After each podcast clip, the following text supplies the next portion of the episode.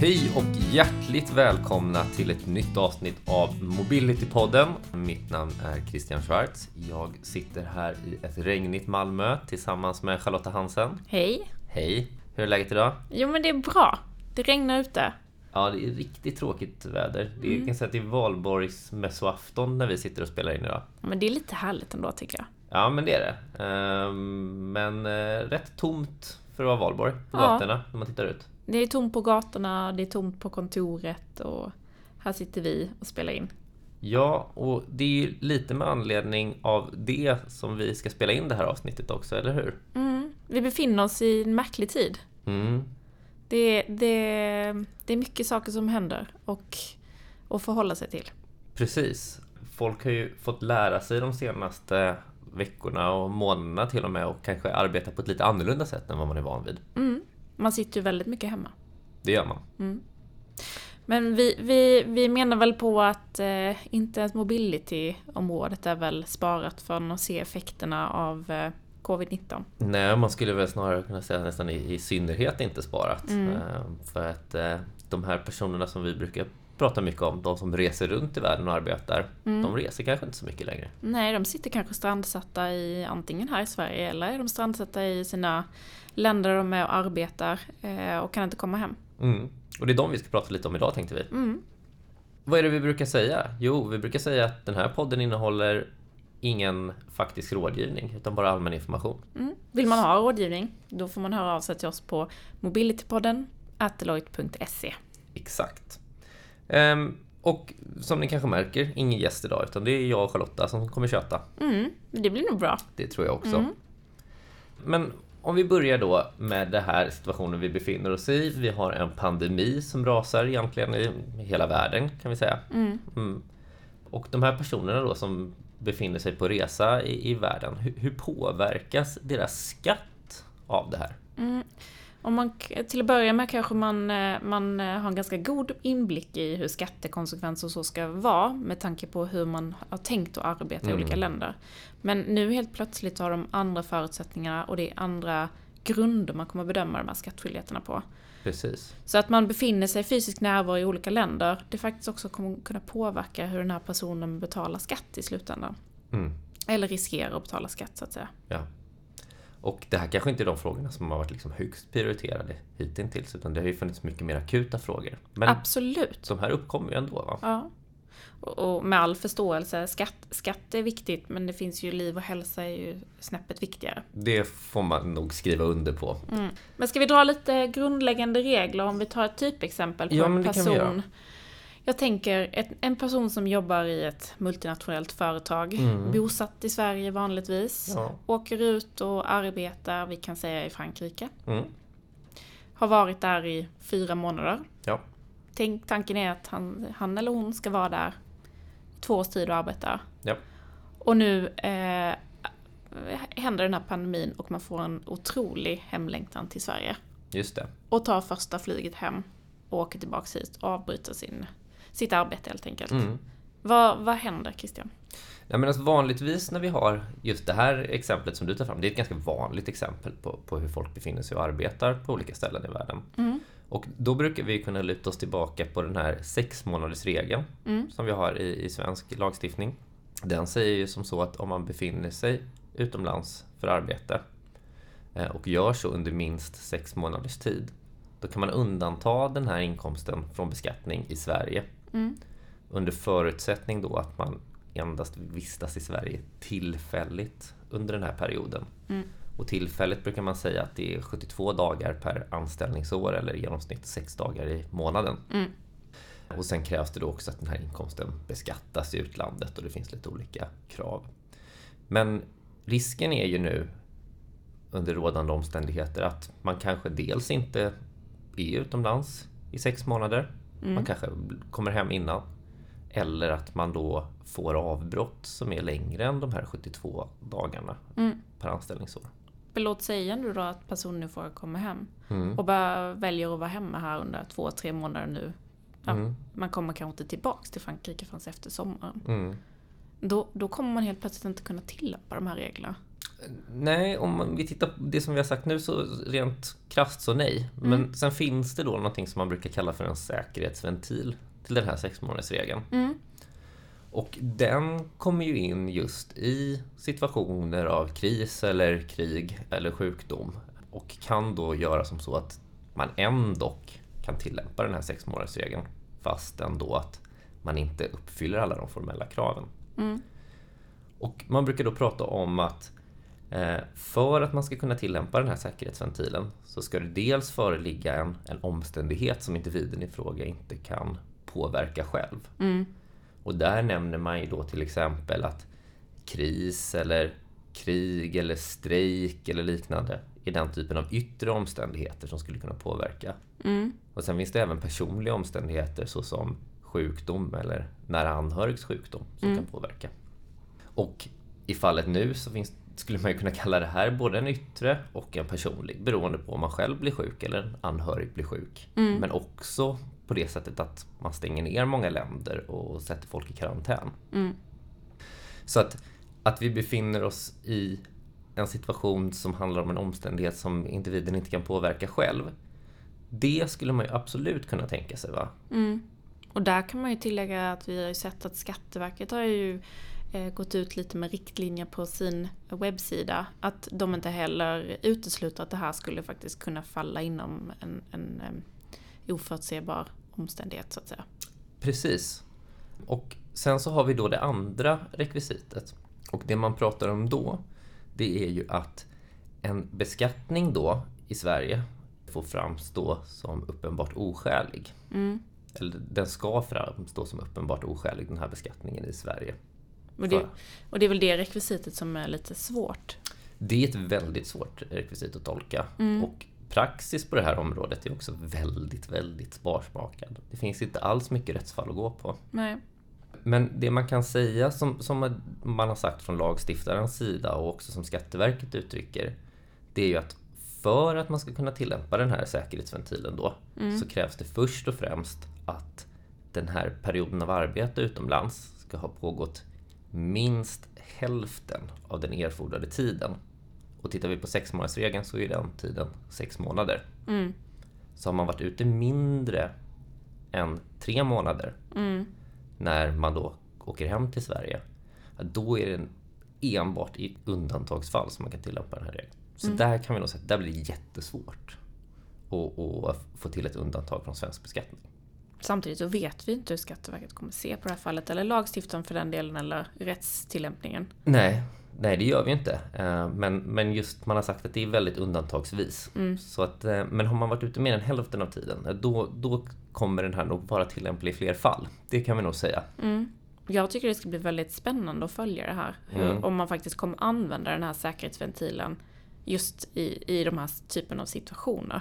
Ja, och, och saken är ju den att vi kommer ju antagligen inte se så mycket konkreta svar på det här i nuläget, utan det här är ju någonting som kommer uppkomma i mm. kölvattnet av nästa års deklarationer egentligen, de som då berör 2020. Mm. Men som anställd och befinna sig i den här situationen så får man nog vara, ha lite is i magen. Mm. Man får nog vara beredd på att man kan komma att bli beskattad i Sverige och man kan komma också behöva ha en process kanske gentemot Skatteverket mm. i, i den här frågan. Mm. Det kan man ju tänka sig att Skatteverket är nog ganska måna om att få praxis på det här området också. Mm. Och se till att det drivs fall i domstol kring detta. Mm. Ja, det, det, här eh, det är inte helt lätt alltså. Vi får se hur, hur det kommer bli i rättstillämpningen. Precis, och det här är något som är eh, väldigt mycket upp till den svenska då, skattemyndigheten och domstolarna att se vad det blir av detta. Mm. Men det är inte bara svenska regler som påverkar personer som är ute och reser. Vi brukar ju ofta prata om hur skatteavtal förhåller sig till internationellt resande till exempel i arbete. Mm. Där kan man ju säga att OECD har ju kommit med lite riktlinjer eh, nu i början på april kring hur man faktiskt ska tolka hemvistartikeln och lite ja, vad, eh, hur förändrat arbetsmönster kan påverka eh, fast driftställeproblematik och hemvistbedömning. Ja men precis, för det är mm. ju faktiskt OECD som, som utformar modellen till de här skatteavtalen mm. som, som Sverige ingår med olika länder och, och andra länder ingår med varandra. Ehm, och en av de artiklarna som är, berör väldigt många är just hemvistartikeln, vad man ska anses ha hemvist enligt de här avtalen. Mm. Det som är skönt att, att veta då är att OECD ändå har liksom gått lite i bräschen för att eh, hjälpa olika länder på hur man skulle kunna se och tolka eh, det här utifrån sina egna internationella lagar och regler. Precis.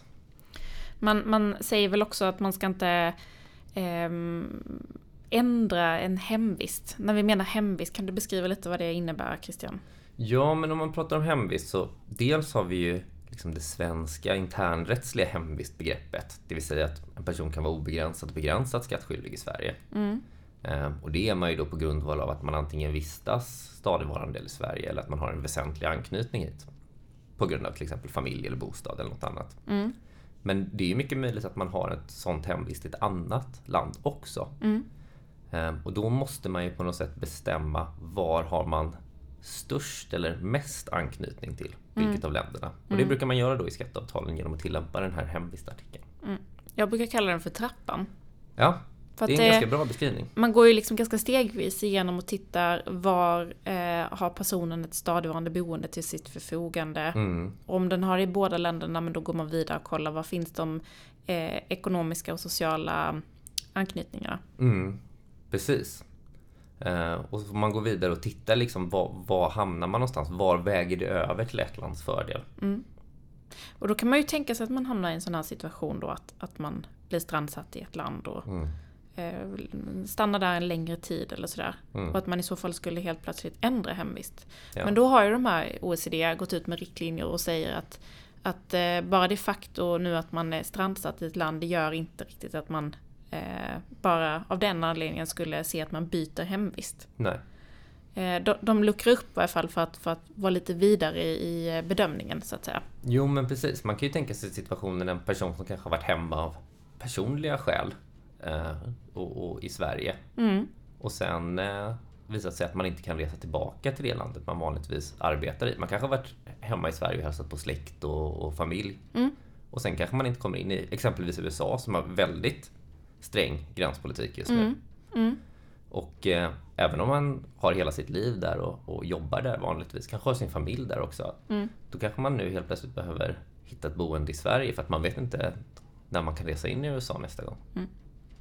Mm. Men där säger, ju, där säger man också lite i riktlinjerna att det är klart man måste titta på helhetssituationen. Eh, eh, till exempel börjar man hyra ut sitt boende i USA då för att mm. man tycker att det är lämpligt, ja men då kanske det är en annan bedömning. Då kanske det faktiskt är så att det byter ett hemvist. Ja, precis. Och det kan ju vara frågan, fortsätter man jobba för sin amerikanska arbetsgivare till exempel? Att man kan jobba på då distans mm. från Sverige. Eh, då kanske man också anses ha liksom en ekonomisk eh, anknytning till USA genom att man faktiskt har sin arbetsgivare där fortfarande. Mm. Såklart. Men eh, för att sammanfatta lite vad OECD tycker i den här frågan så är det ju som så att man försöker ju säga att så långt det går att man ändå ska försöka behålla samma bedömning som det var om det inte hade varit den här krisen. Mm. Sen så är det såklart från fall till fall kanske det blir så pass stora förändringar i omständigheterna att man ändå väger över. Det kan ju också vara till exempel att man inte av den anledningen att man, man kanske blir strandsatt här utan det kan ju vara till exempel att man vill åka hem till Sverige. Mm. För att man känner sig orolig, man vill mm. vara nära sin familj. Ja. Och likadant där så är det väl eh, lite så att man kan bli lite eh, osäker i den bedömningen vad som faktiskt gäller. Absolut. Nu vet vi heller inte hur länge det här kommer att pågå. Och det kan ju vara så att man bara är strandsatt någon, någon månad eh, och då kanske det inte får någon skillnad alls i bedömningen. Eh, men pågår det här under en lång period och man kanske avbryter arbetet utomlands då blir det nog kanske lite andra faktorer man får gå in och titta på i den här frågan också. Mm. Mm, vi, vi välkomnar de här riktlinjerna som har kommit, mm. men vi vet ju faktiskt inte riktigt hur den svenska eh, rättstillämparen kommer att tillämpa det. Nej, det har vi ju ingen aning om för det här är som sagt rekommendationer från OECDs hemsida. Eller mm. hemsida. hemsida. ja. ja, det är det ju också. Det är där vi har hämtat dem. Men, ja. från OECDs sida ehm, som då respektive eh, land det är upp till dem att bestämma om de faktiskt tar till sig de här rekommendationerna mm. och tillämpar dem i, i taxering. Mm.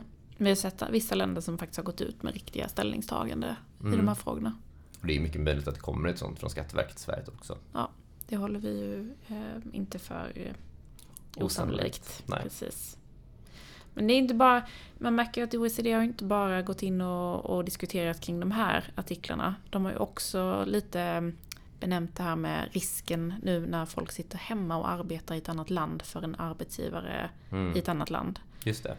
Eh, det vet ju alla som har lyssnat på poddavsnittet med eh, fasta driftställen som jag och Christian eh, hade för två avsnitt sen tror jag. Något sånt var det. Mm. Att ni vet att det kan finnas risk att man har ett fast driftställe om man faktiskt sitter i ett annat land och arbetar stadigvarande. Mm. Och det behöver inte vara typiskt sett på en konstruktionsplats eller på någon arbetsplats utan det kan ju vara så lätt som på ett hotellrum eller ifrån hemmet om det vill sig illa. Precis. Mm. Och, och, just hemmet är ju ett ställe som väldigt många arbetar från just nu. Mm, precis. Och då, då kan man ju osökt tänka att sitter vi här och riskerar massa fasta driftställen med anledning av den här situationen vi befinner oss i?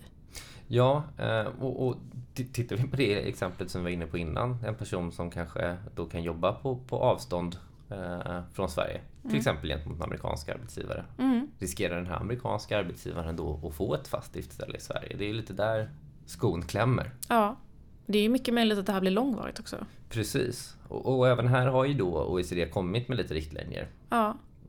Och där, där vet vi inte heller hur den svenska rättstillämparen kommer att se på det här. Om man kommer eh, titta på OECDs riktlinjer. Men de, vad OECD säger, det är väl egentligen att man inte av den anledningen ska se att det faktiskt blir ett fast driftställe i Sverige.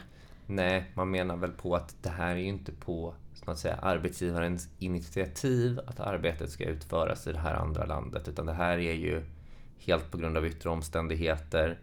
Eh, och man menar därför att ja, då kanske inte den här verksamheten som man bedriver här är särskilt stadigvarande heller. Nej. Samtidigt vet vi att stadigvarande är ju normalt sett en stadigvarande plats över sex månaders... Eh, Precis. Så än så länge är vi ju inte där. Men vi skulle kunna hamna där, det vet Absolut. vi inte. Man har väl också i ehm, rekommendationerna sagt att är det så att man eh, har en konstruktionsplats här, man skickar hit arbetare mm. men av någon anledning har fått stänga ner och montera ner och åka hem. Mm. Av den anledningen så blir det inte att det inte skulle anses som ett fast driftställe. Nej, precis. Det blir lite, lite motsatsvis här så säger man ju då att det här avbrottet gör ju då inte att eh, verksamheten helt anses upphöra om man sen tar upp verksamheten igen mm. när, när saker och ting förhoppningsvis har blivit till det bättre. Exakt. Mm. Så det här, det känns lite som att OECD är lite mer inne på att titta på det här lite mer långsiktigt. Jag, jag tror det också. Man, man försöker på något sätt eh, pausa lite läget mm. och säga att ja, men nu när det ser ut så här så får vi liksom pausa och så får vi, vi tänka att det var som det var innan och sen så när allting kommer igång som det var innan så, mm. så får vi fortsätta som det var, som mm. vanligt. Men det är klurigt. Ja, men det här är jätteklurigt och eh, det klurigaste i detta är att det här är en situation som vi inte har ställts inför tidigare. Eh, på mobility-området kan man säga. Mm. Det är ju det man har pratat om tidigare var ju liksom när det var den här vulkanen på, på Island som gjorde att folk inte kunde resa. Just och det, det var ju väldigt kort tid jämfört med detta. Mm. Ja, men vi kan få vänja oss vid ett nytt sätt att jobba på. Ja, men jag tror att väldigt många har ju blivit varse de senaste månaderna att eh, jobba på, liksom, genom digitala hjälpmedel. Mm. Det har ju tvingat folk till att använda dem mer och folk har blivit väldigt mycket duktigare på att använda dem än vad mm. man var tidigare. Mm. Men vi kan väl säga till er som lyssnar och jobbar med de här frågorna att vi, vi, vi ser ju väldigt mycket av våra klienter nu som hör av sig och har mycket huvudbry och frågor om eventuella risker som mm. man utsätter sina anställda för, eller inte som man utsätter, men som sina anställda befinner i och, och vad det här också innebär för risker för företagen. Mm. Och, och, det man kan säga generellt kring det vi har pratat om idag, både med den här säkerhetsventilen i sexmånadersregeln och OECDs då, rekommendationer och riktlinjer, är att det här blir ju väldigt individuellt. Det är svårt att prata i generella ordalag mm. kring eh, anställda världen. Man måste verkligen titta på den specifika situationen. Mm. Ja, Christian, det, var, det får väl sammanfatta dagens avsnitt? Ja, men det tycker jag också. Så att vi får väl ta oss tillbaka till det här regniga valborgsfirandet som vi har på, på vårt kontor idag. Ja, jag känner att vi har haft en allvarlig ton i det här eh, Väldigt allvarlig ton jämfört med vad det brukar vara. Samtidigt är det viktiga frågor. Det är, det är stunden när man faktiskt ska vara seriös. Ja, så är det verkligen. Men vi tackar lyssnarna. Är det så att man har frågor eller vill önska vad, vad man vill att du och jag ska prata om framgent, då får man ju väldigt gärna höra av sig. Och då gör man det till mobilitypodden at deloitte.se. Ja, och mm. en sak som jag tänkte vi kanske skulle nämna så här avslutningsvis, det är ju det vi har varit inne på tidigare. Det känns som att vi tar upp det här i alla avsnitt med Economic Employer. Just det. Vi har ju väntat på ett lagförslag kring det. Nu har det visat sig att det skulle ha kommit här ja, för någon vecka sedan. Mm. Det blev inte så. Eh, vi förstår ju att man från eh, lagstiftarens sida har haft ganska mycket annan lagstiftning att mm. pumpa ut i dessa dagar. Men vi väntar ju spänt på detta och mm. det kommer ju komma ett avsnitt om det när vi är där. Och då smäller det. Då ska vi snacka Economic Employer. Då ska vi snacka Economic Employer. Men hörni, ha en fin valborg. Tack för oss. Tack för oss. Ha det fint.